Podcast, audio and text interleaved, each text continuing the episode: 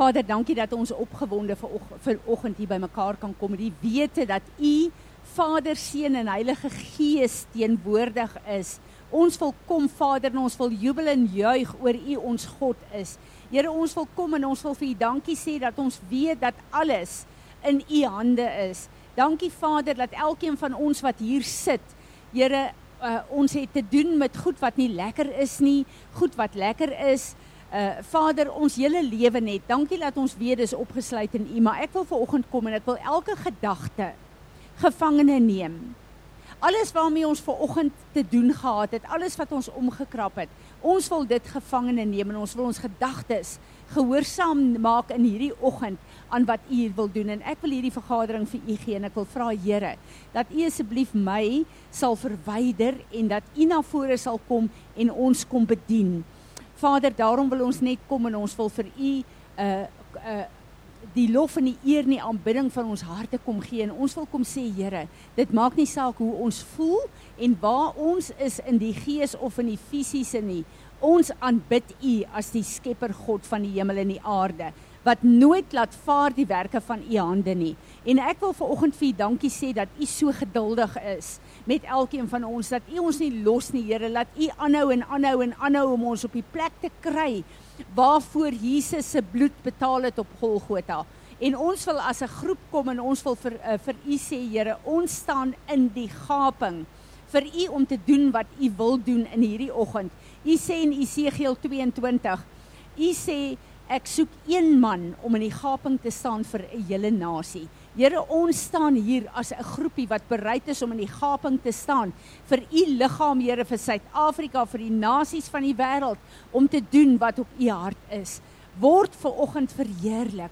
Gees van God, word vaardig oor ons en bring vir 'n goddelike alignment met wat op Vader se hart is. Here Jesus, U is nie net die Heer en die meester van ons lewe nie, nie net ons verlosser nie, maar U is die koning van alle konings en ons kom roep dit uit oor onsself en oor ons gesinne en oor elke gebied van waar ons kom.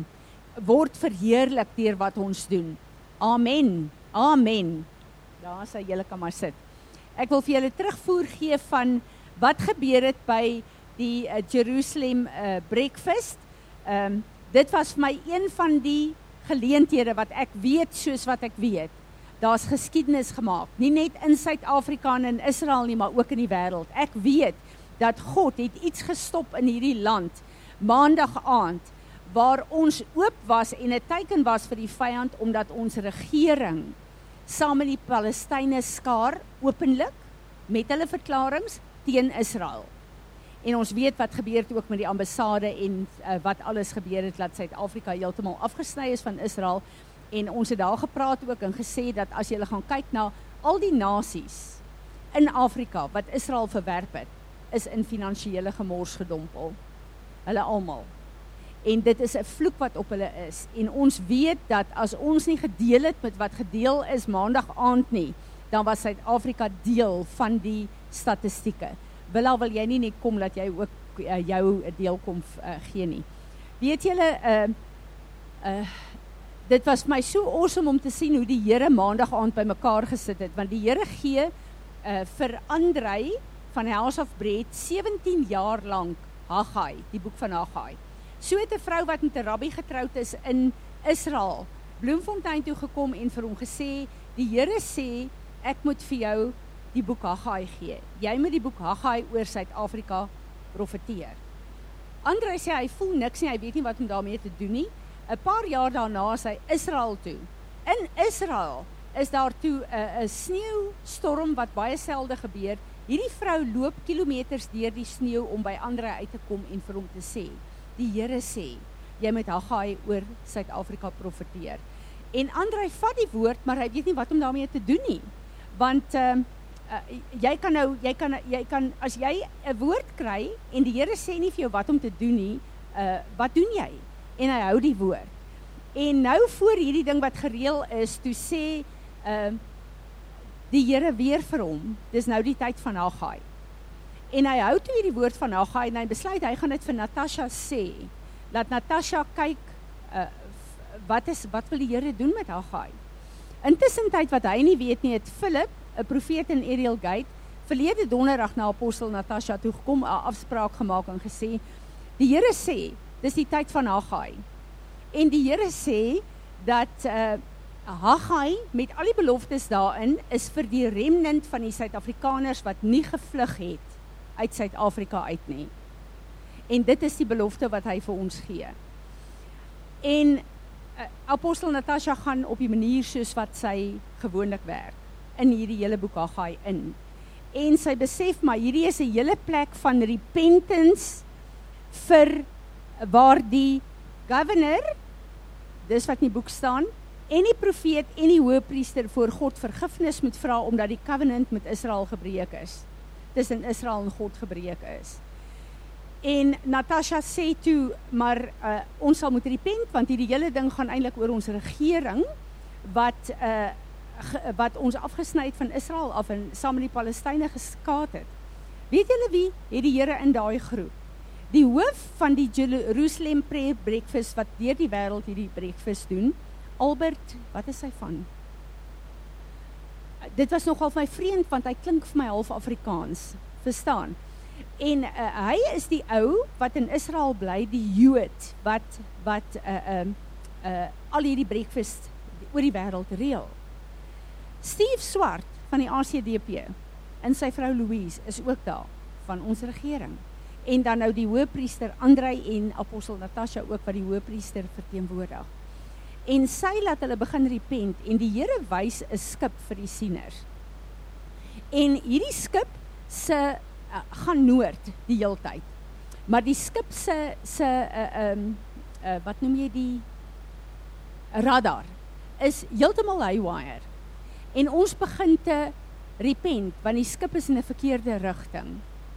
En ons begin te repent van hierdie goed en nou 'n uh, kort kort vra sy sieners wat aan die gang is want die visie vir hierdie prayer Jerusalem wat ander hulle ook gekry het is Stable Mountain to 'n uh, 'n uh, um, Mount Zion in Israel. So dis die hele visie van hierdie ding om ons weer met Israel te verbind. Hulle begin te repent en ons repent van wat ons regering doen dat ons Israel verwerp, laat ons uh, ons eie huise bou en toe kom die Here en sê die synode se hoofkantoor is in Bloemfontein. En toe moes ons repent vir die mainline churches in Suid-Afrika wat die Heilige Gees bedroef het, want daar was 'n visioen daaroor ook, wat letterlik ons eie Bybel skryf om te sê daar's die gawes van die Heilige Gees, die werking van die Heilige Gees nie deel van van die God wat ons dien nie. Wat mense in misleiding het, wat arrogant is, wat ons begin daai hele ding te bely en soos wat ons bely hou hulle dop wat gebeur in die gees. Lang storie kort te maak, ek gaan laat Willa invul by al hierdie goeters. Een van die visioene was ook daar's 'n vuur op Tafelberg en 'n vuur op Mount Zion, maar tussen daai twee is daar giftige ivy wat groei en hulle verbind. So uh, ons het letterlik repent en en uh, met hierdie goed gedeel. Toe het uh, die ou van Israel, hy begin te bid met oor covenant. Maar julle, daai ou bid as 'n Jood, sekere goed oor covenant, maar daar's so salwing dat dit vir my voel of die hoendervleis op en af hardloop op my liggaam. So teenwoordigheid van die Here. En hy hy bid toe spesifiek oor die covenant en sê Here, hulle is die gentiles, hulle is deel van die verbond wat u gesluit het. U het hulle ingesluit, hulle is deel van Abraham, Isak en Jakob. En hy kom as 'n Israeliet en 'n Jood en hy kom bid en hy kom en hy kom toe en hy sê covenant gaan oor vriendskap. En hy kom as Jood en hy sê ek nooi julle as Suid-Afrika weer terug in hierdie covenant in. To be friend us. En Steve Swart staan op en hy repent. Daai man, ek om mense op daai vlak in die regering te hê is net vir my amazing. Hy begin te repent oor wat ons regering doen, wat ons doen met die Jode, wat ons doen met Israel. Hy neem verantwoordelikheid en hy vra vir die Here vergifnis. En hy stap toe en hy gaan na na hulle toe en vra, "Kan ons hierdie verbond?" En hierdie twee kom bevestig die verbond. Na die repentance van die kerk, die hoëpriester, die repentance van die regering en dan ook Israel wat bygekom het. Dit was 'n amazing ding geweest. Daar was so 'n teenwoordigheid van die Here geweest. En toe daai covenant gesluit is, die volgende oggend, toe lees ek eers in Haggai 2. Ek laat weet hoe vir Natasha. Uh ons het die hele ding het gaan oor die covenant tussen Suid-Afrika en Israel wat weer herstel is. Op die einde van uh, van Haggai staan daar the covenant will be renewed. Daar staan renewed in die amplified. En dis wat God gedoen het. Dit was amazing. Nou ja, toe staan 'n profetiese kunstenaar wat die Here voorgesê het uh, want dit gaan baie oor uh, hulle het gedeel ook oor die kroon en uh, ons weet die protea is ons nasionale blom maar dis ook 'n kroon. En die Here het vir haar gesê sy moet profeties uh, uh, van hierdie proteas maak en dit vir die leiers gee. Nou toe het ons een van die proteas gekry wat vir my natuurlik absoluut awesome was. Maar hierdie hele prayer breakfast was 'n amazing plan van God en ek weet God het Suid-Afrika en Israel weer herstel en daarmee het hy 'n vloek van hierdie land afgevat waaroor ek so dankbaar is. Willa, wat voeg jy by? Um, ek kan ook sê tussen Saterdag en Maandag. Lekker baas hier. Maar in elk geval het die Fransie begin praat. Um, as ek begin praat, dan die eerste sang wat by, by my opkom is uh, Our God reigns. Open the floodgates of heaven. Our God reigns. En volgende ene is alle nasies sal die Here dien. En weet julle, soos Fransie sekere goed, ek wil net julle sê, dis alles hulle baie awesome hoog op amper al nie lekker staan so so tussen hulle begin en fietsie en arme kant te hoog en apostel administrasie. Dis awesome. Julle terwyl so sy hier so praat dan en dis die ding wat ek ooit doen. Maar as ek 'n salwing voel is tussen my en die Here. Maar hy ervaar ek die salwing. En dis basies wat ek daar gesit te doen het, die salwing gevaar het, ervaar het en gehuil het en in tale gebid. So ek wil net vir julle sê. Hou op om te kyk in the natural. Stop dit onmiddellik. Daar's goed plaasgevind. Julle gaan rimpelings hoor. En julle gaan besef daar was mense, so klein klompie mense. En die Here, ek glo hand he handpick everyone wat daar was. Daai aan. Uh uh so hier's goed afgehandel in die gees. Ek sê nie vir julle ek verstaan wat alles daar gebeur het nie. Ek weet net daar het goed gebeur. Ja. 'n Realiteit in die tyd moet julle al weet. Tyd goed neem nog als lank tussen nou en wanneer dit gebeur. Nou toe op 'n kol, toe met die line roar. Hier agter my sit so lank man. Ja, hy bly nou in Suid-Afrika. Hy het 'n lion hier op apostel sê vir hom: "Raar, jy lyk na raar, maar julle Ek moes altyd my ore toe druk.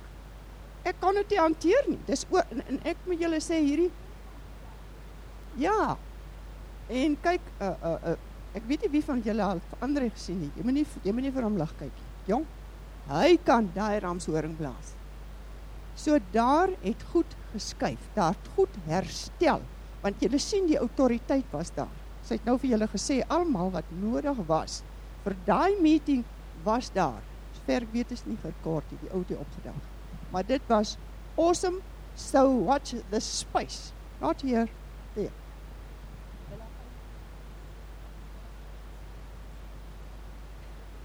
Ehm um, Ja, ek uh, voel toe natuurlik dat die feit dat die ou ou nie opgedaag het om die goed uh op te neem nie, die mense wat daar was was genooi geweest want jy kan nie oopmaak vir almal nie. Dat uh jou uh uh trauma, jou verslawing, jou die goed wat jy doen word oorge Wel, speel dit net. Luister net 'n bietjie wat hierdie ou sê, dan gaan ek 'n bietjie daarvan praat. What science has now learned, and it's so fascinating, is that the choices we make in life will alter how our genes are expressed. This is big. People need to really pay, sit up and pay attention to this because science is now confirming scripture. In lectures that I do, I often ask the audience, which is more scientifically accurate, the Bible or Charles Darwin? Well, guess what? It's the Bible. Darwin hypothesized that it was mutation over millions of years that caused his finches to have different beaks. Science has actually now proved it's epigenetic modification.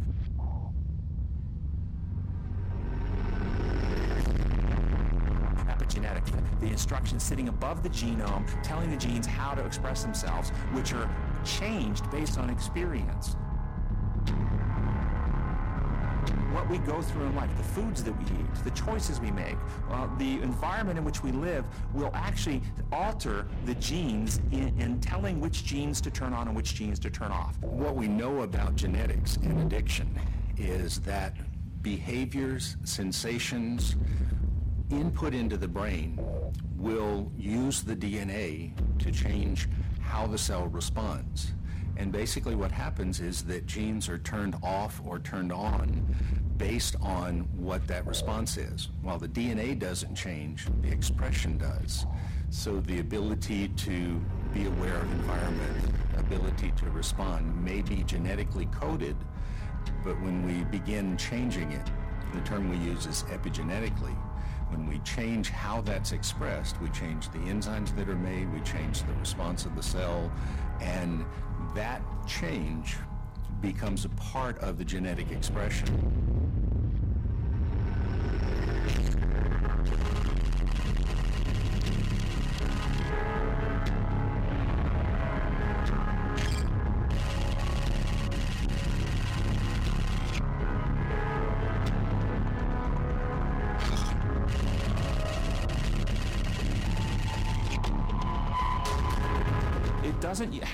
Happen generally with one exposure to pornography.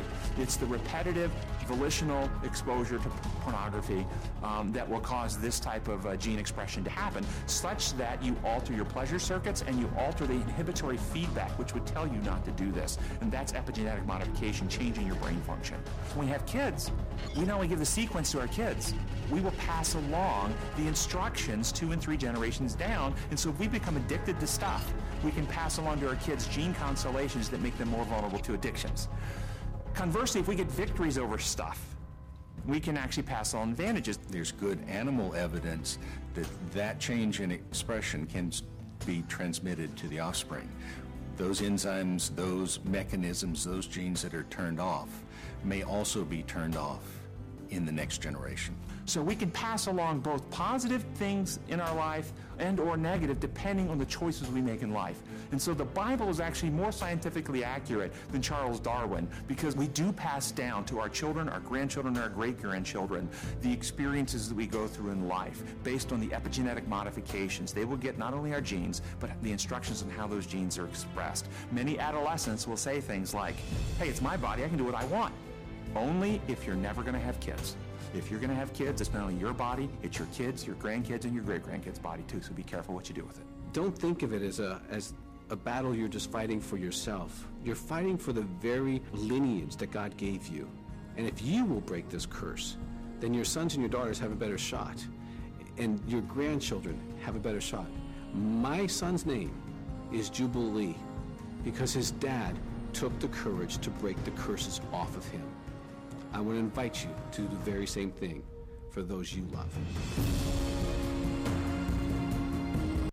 Is dit nie amazing dat dokters wat spesialiseer in DNA hierdie bewyse nou op plek het nie? Is dit nie amazing nie?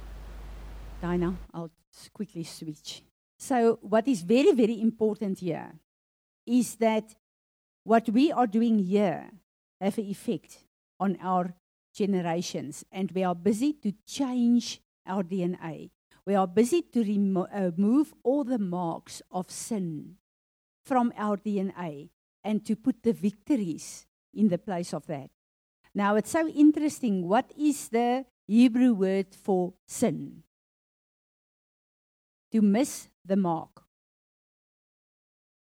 So, what mark? What is the mark that we miss?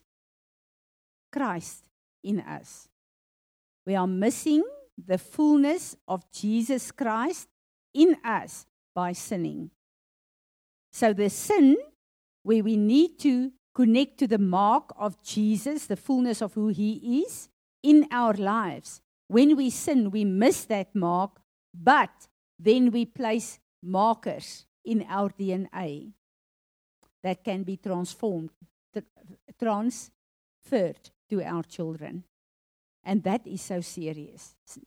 One of the things that really um, uh, uh, impressed me is what this guy is saying.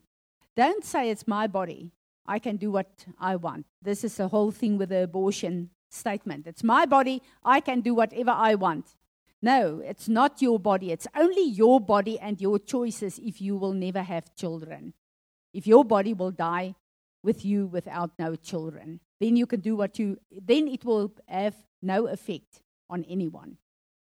But other, apart from that, what we do have an effect on our generations.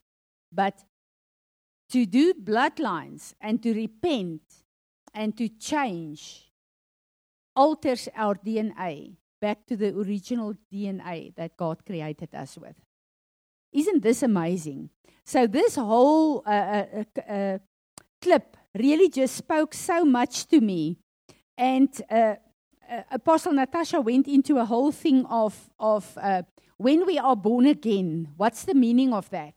The meaning of that is the fullness of Christ is again within us. But we have to bring our soul and our body in line with our spirit that is born again. So we need to take away, take out all the markers from our bloodlines and our own life. We need to take it uh, uh, out of us. This is why God says um, He sent an angel to measure the temple. Who's the temple now? us. What is he measuring? He's measuring how much of Jesus Christ is in us. That's what he's measuring, measuring. So we need to grow to the fullness of Jesus Christ, and we've got everything that God released to us, and especially the fact that God has called us as a ministry to do bloodlines, to really remove the markers from our DNA and for the generations that's coming from us. This is such an important thing. So, the more we do bloodlines, the more we remove those markers from our DNA for our children, for our grandchildren. And the more we struggle with the sin in our life and break it by the power of Jesus, submitted to the cross of Calvary, every victory cleans our DNA, and that transfers to our children as well. She again used the, the um, example in the Bible when Abraham paid tithes, the first tithes that's mentioned in the Bible, to Melchizedek. The book of Hebrews, Hebrews 7, says, when Abraham paid tithes to Melchizedek, Levi also paid tithes four generations still in his loins. Not, not only in his seed. So, four generations onwards, exactly what Abraham did was they were aligned with that. So, the victories that he had over the uh, uh, uh, nine kings that he fought, the generations to come was part of that victories. And it's awesome, all the positive things. But to me, that's really uh, terrifying is the wrong in our lives that we do not want to deal with. The choice is mine and yours. Are we going to fight the fight with the knowledge and the revelation that God has given us to clean the generations to come, to lift the burdens from them?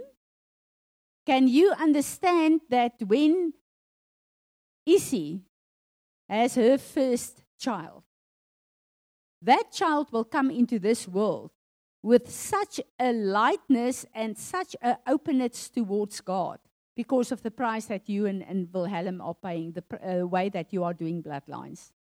And we will see it. They will, they will be a generation, even the generation growing up now, will be a generation that will be able to do far, far more for God than we could because we stood in the gap and we started this war on the genetics. And it's so important that we understand this.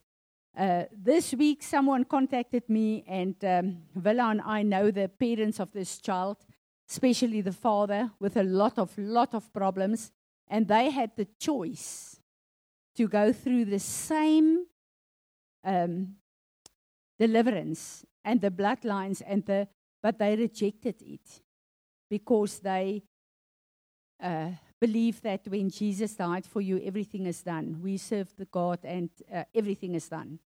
That whole lie. And the mother phoned me and said to me, Please help.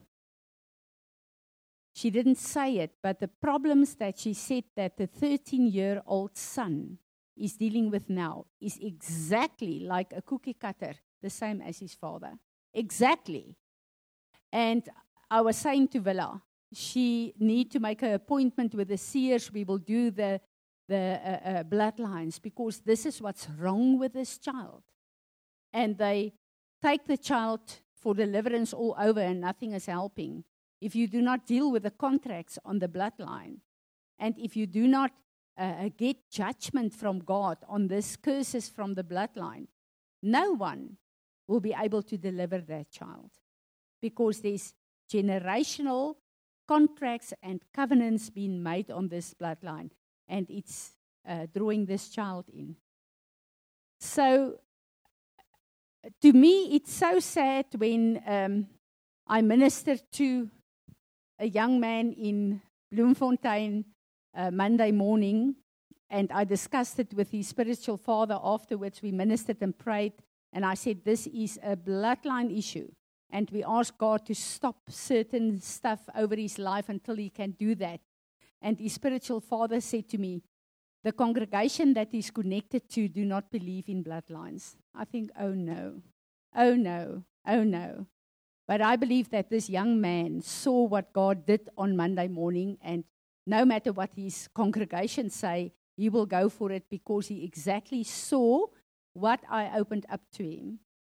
But so sad to see churches telling their people it's not necessary. There's one of the, the uh, uh, yeah, I cannot mention it now. Um, our pot beans make it um, a little bit scary to mention certain things. I was warned by that. Uh, so I need to get used to that because I don't want to say things that I cannot say in the open. I want to say everything in the open, but I realize that uh, certain things we must be a little bit versigtig. Uh, yeah. but praise God, uh, we are on our way with, with what He had um, uh, called us to do. And I really just uh, believe that um, the way that God is calling us as a, a, a, a army, we will start praying more. And I want to open up one thing more, and then we are going to pray. Then I'll put uh, off the mic. Uh, when you look at um, Abraham that went to fight these nine kings, the word for gathering the army, I think it's Azar. I'll just go and check it again. That Apostle Natasha mentioned. The same word for mobilizing an army is the word when Abraham went and had to sacrifice Isaac the wood that you lay out on the altar before you put the sacrifice uh, uh, on is also azar, the same word. So the minute that you lay the wood for the sacrifice, you are in a major place of war. And the choice that you have to sacrifice will give the victory or the defeat. When you look in, in uh, 2 Kings, that whole story where the king of Moab came to fight with Israel, the prophet said that Israel will win. The king of Moab, the minute that he saw that they are going to lose, he took his eldest son, his firstborn, and he sacrificed it in the gates, killed his son, and burnt as a sacrifice to Molech. That changed the war and Israel drew back. Who is bringing the highest sacrifice? And that is the whole thing to lay out the wood, to light the fire. What is the sacrifice you are bringing? So, for us to sacrifice, the way that we sacrifice, give us the spiritual authority to win the wars. Now, take that back to the place of victory. What did Jesus carry on his shoulders? The wooden cross. Isaac, the word says, Abraham put the wood on his shoulders. He had to carry that up to the altar. Jesus carried his cross on his shoulders until he became the sacrifice. What does the word say from me and you? Take up your cross. What's the meaning of that? The meaning of that is God says, I call you as a sacrifice to lay down your life so that the victories I want to manifest will come through your level of sacrifice. We are learning about being a high priest in the order of Melchizedek. Jesus, the high priest, carried the wood, he was prepared. The cross was the altar. Jesus became the sacrifice and the high priest. We have been called in the order of Melchizedek, in the order of Jesus Christ, our high priest. He did not become the high priest through anything else but through sacrifice. Therefore, how do we sacrifice? I loved it this morning when Helena said she nearly could not make it because of the rain and all that, but she just decided to come through and just to. It sounds just like something, but that's sacrifice. And this is why I loved it when you said it this morning. How is our sacrifice? Sometimes we do not realize, but to gather here is a sacrifice because we need to move things sometimes to be able to um, come to this meeting. Not this meeting with Francie van Wyk, the meeting with God gathering an army to equip us to do what He has called us to do. So, this is also a sacrifice.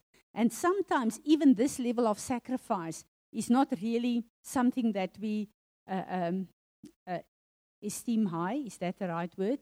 That's uh, very high for us. We think it's so net. If I do not have to, my week is too busy, I just leave this out. No, this is a call from God in this region and the regions that we represent. That what we do here, what we learn here, we walk out back to our businesses, back to our house, back to our busy lives. And we do not realize that we are a soul, a spirit, and a body. I've got Agatha in Elliot.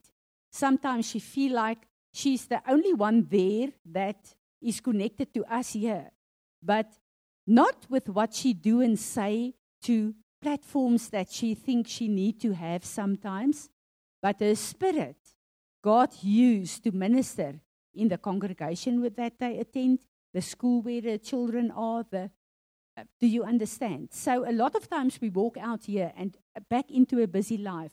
But what we receive, God can administrate and use to his honor wherever he want to do it. And we realized on Monday evening, being there gathered with that group of people, I think even Apostle Natasha stood there and thought, wow, she did not realize this what, what, was what God was gathering. There was such a breakthrough. And people standing there realizing that we think, okay, we must go to Bloemfontein, this is the meeting, this is this, this is, we are just going. But God is preparing us to step into places that He uh, plans on earth for Him to move in mighty ways. And this is what He do with each and every one of us in the Spirit, without us knowing it, in our houses, in our businesses, wherever we go, in Spar, doing shopping. What do we know? What is God doing with us without us knowing us? You remember my favorite scripture, uh, scripture Peter walked. His shadow fell on people. They were healed like that. Uh, Peter did not pray for them. He did not even know that his shadow touched people. The other people told him about that. What is God doing through you and me? without us knowing it. And praise God we do not know it because then we will take the honor for it and we will try to, to uh, intervene in that. So we need to know we are here opening ourselves for God to pour in us, to use wherever He chooses for us to go. Amen. I really hope that bless you because it blessed me anew this morning. Amen.